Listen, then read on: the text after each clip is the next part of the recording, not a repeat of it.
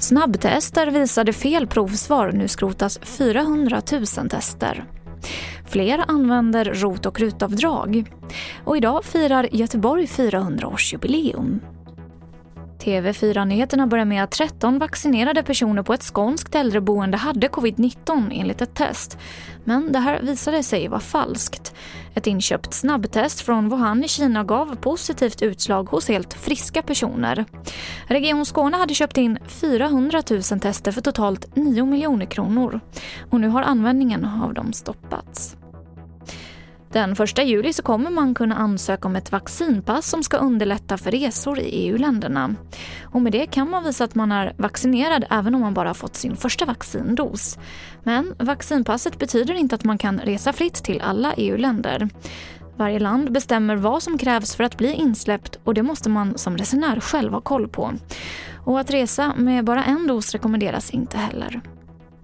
Det är ju många som fixar i ordning hemma nu under coronapandemin och det här syns tydligt på antalet rot och rutavdrag.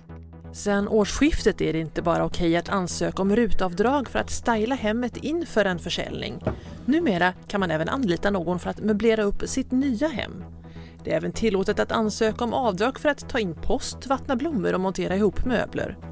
Och intresset för att ansöka om rutavdrag har ökat de fem första månaderna i år jämfört med samma period förra året. Ökningen syns även tydligt på rotavdragssidan där man hittills i år haft över 700 000 köpare. De börjar bli mer och mer populära de här tjänsterna och det har tillkommit nya. Så att man kan se att det är ju allt fler som, som vill konsumera de här tjänsterna.